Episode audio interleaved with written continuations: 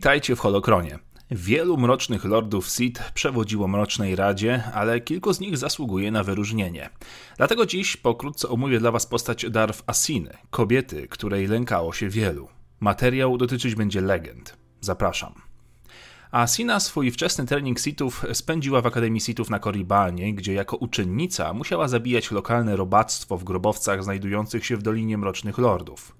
W końcu uzyskała tytuł Mrocznego Lorda. Po śmierci Darth Karida na Duro w 3640 roku przed bitwą o Jawin, Asina została wybrana przez dłoń Imperatora na nowego szefa sfery technologii, aby pilnowała magazynu potężnej technologii zwanej jako Arkanum. W tym czasie jej pozycja w Mrocznej Radzie była silna, ponieważ kontrolowała cały dostęp do wspomnianego Arkanum, drocząc się z innymi lordami i wymagając od nich, by jej czymś zaimponowali, nim ta udzieli im dostępu. Jednak jeden z jej uczniów potajemnie poprzysiągł lojalność wobec Dreadmasterów, co pozwoliło ich wyznawcy Tagrisowi na zorganizowanie najazdu na Arkanum i ucieczkę z wieloma niebezpiecznymi artefaktami, takimi jak Mroczna Laska czy Nasiona Gniewu. Jej pozycja była zagrożona, tak więc Asina szybko wezwała pomoc od jednostki imperialnej, aby móc zlokalizować i odzyskać skradzione przedmioty. W końcu udało jej się odzyskać jedynie nasiona, które odnalazły się na Ilum.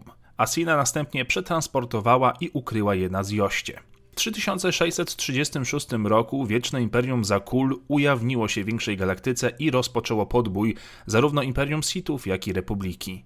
W ciągu roku Dromund Kass został zablokowany, a większość członków Mrocznej Rady zginęła lub zniknęła podczas chaosu. Darf Asina jako pierwsza uświadomiła sobie, że Sithowi nie mają szans. Jedynie ona oraz Darth Wałwryn z Mrocznej Rady byli podczas negocjacji traktatu między Imperium a Zakul.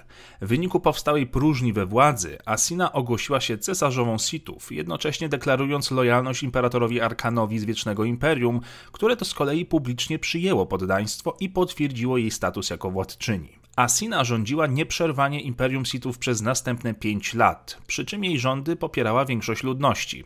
Jako cesarzowa czekała na swój czas podczas panowania Arkana, ale po jego porażce z rąk Outlandera podczas bitwy o Odessę dostrzegła możliwość odzyskania władzy dla całego Imperium Sithów. Zdając sobie sprawę, że sojusz, który pokonał Arkana, będzie wystarczająco silny, by ostatecznie pokonać notorycznie niestabilną siostrę Arkana, Weylin, otwarcie przeciwstawiła się swoim heroldom, kładąc kres erze uległości Sithów. Kiedy Wieczna Flota Weylin przeprowadziła inwazję na Vos, Asina wysłała flotę Imperium, by wspierała sojusz i jego dowódcę w bitwie. Moment przybycia floty imperialnej okazał się być szczęśliwy, ponieważ była ona w stanie odeprzeć Wieczną Flotę i zakończyć bitwę zwycięstwem. W następstwie tego Asina uznała sojusz za niezależne mocarstwo i zaprosiła dowódcę na Dromund Kass w celu wynegocjonowania porozumienia. Kiedy dowódca sojuszu przybył na planetę, Asina wysłała obecnego ministra logistyki, Gelminda Lormana, aby eskortował swojego gościa z kosmodromu. Po tym, jak dowódca sojuszu wraz z doradcami, Laną Beniko i Teronem Shan zostali sprowadzeni do komnat Asiny, cesarzowa zasugerowała, aby ona i dowódca omówili szczegóły sojuszu na osobności na pokładzie jej osobistego wahadłowca. Uciekając z dala od wścibskich oczu, Asina zapewniła dowódcę, że jej oferta jest szczera i nie ma zamiaru rościć sobie praw do wiecznego tronu. Ich rozmowa rozmowę przerwała nagle awaria silnika, co zmusiło Asinę do zejścia z promu i opuszczenia statku. Teraz, uwięziona w dziczy Dromund Kass, cesarzowa Asina i dowódca zostali zmuszeni do walki z niebezpieczną dziką przyrodą planety. Para w końcu odkryła, że ich wahadłowiec został sabotowany przez Genoharadan, mityczną i owianą baśniową legendą sekretną gildii asasynów. Legendarni zabójcy jednak nie sprawdzili się w walce z dwójką bohaterów, ponieważ para wkrótce rozprawiła się z zabójcami i zlokalizowała ich obóz. Komendant odkrył z dzienników obozowych, że zamach został zorganizowany przez Leotin Byłego najwyższego kanclerza republiki, w celu przejęcia sojuszu. Jak widać, nie tylko u Sithów zdarzały się brudne zagrywki. Kiedy dwójka znalazła się pod ciężkim ostrzałem, Asina i dowódca skronili się w pobliskim grobowcu Sithów. Gdy para zeszła głębiej, cesarzowa i jej towarzysz stanęli w obliczu zdradzieckiego ministra Lormana, który stał za sabotażem wahadłowca oraz grupy uderzeniowej Genoharadan, która starała się zakończyć swoją pracę. I tym razem przeciwnicy nie mieli szans. Po wszystkim Asina powróciła z tematem sojuszu. Porozumienie zaskutkowało rozpoczęciem wojny przeciwko Weylin i ostatecznie zakończyło się sukcesem. Niestety, to sprawiło, że Wieczny Tron był pusty, co doprowadziło kapitanów Gemini do powrotu do podstawowego oprogramowania i nakazania Wiecznej Flocie bombardowanie zamieszkałych światów na oślep.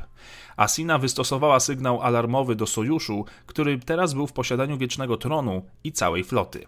Nieufna wobec potęgi, która znalazła się w rękach starego wroga, Asina zaczęła przygotowywać swój lud do wojny, nawet gdy na Dromund Kas wciąż trwało sprzątanie po bombardowaniu Wiecznej Floty. Kiedy Imperium otrzymało anonimowe informacje dotyczące niezwykle potężnej superbroni na niedawno odkrytym świecie Ikota, Asina wysłała oddział Imperium, aby zabezpieczyć broń. Na Ikota imperialni napotkali siły Republiki, które dążyły do tego samego celu i wkrótce dołączyła do nich Wieczna Flota a Asina wysłała majora Queena jako ambasadora do dowódcy sojuszu z rozkazem sabotowania spotkania i ucieczki, gdyby sojusz zwrócił się przeciwko imperium. Sama cesarzowa dokonała holopołączenia i oficjalnie poprosiła dowódcę, aby stanął po stronie imperium przeciwko siłom republiki, dowodzonym przez naczelnego dowódcę Jace'a Malcoma. I tutaj niestety historia tej ciekawej i sprytnej kobiety dobiega końca, bowiem niedługo później Asina umiera z rąk Darth Wauryna. Asina była pragmatycznym i postępowym Sithem, której aprobatę jako członkini Mrocznej Rady trudno było uzyskać. Rozmowy z nią opisywano jako przyjemną grę w zgadywanie. Po śmierci Darfumara starała się zjednoczyć resztki Imperium Sithów.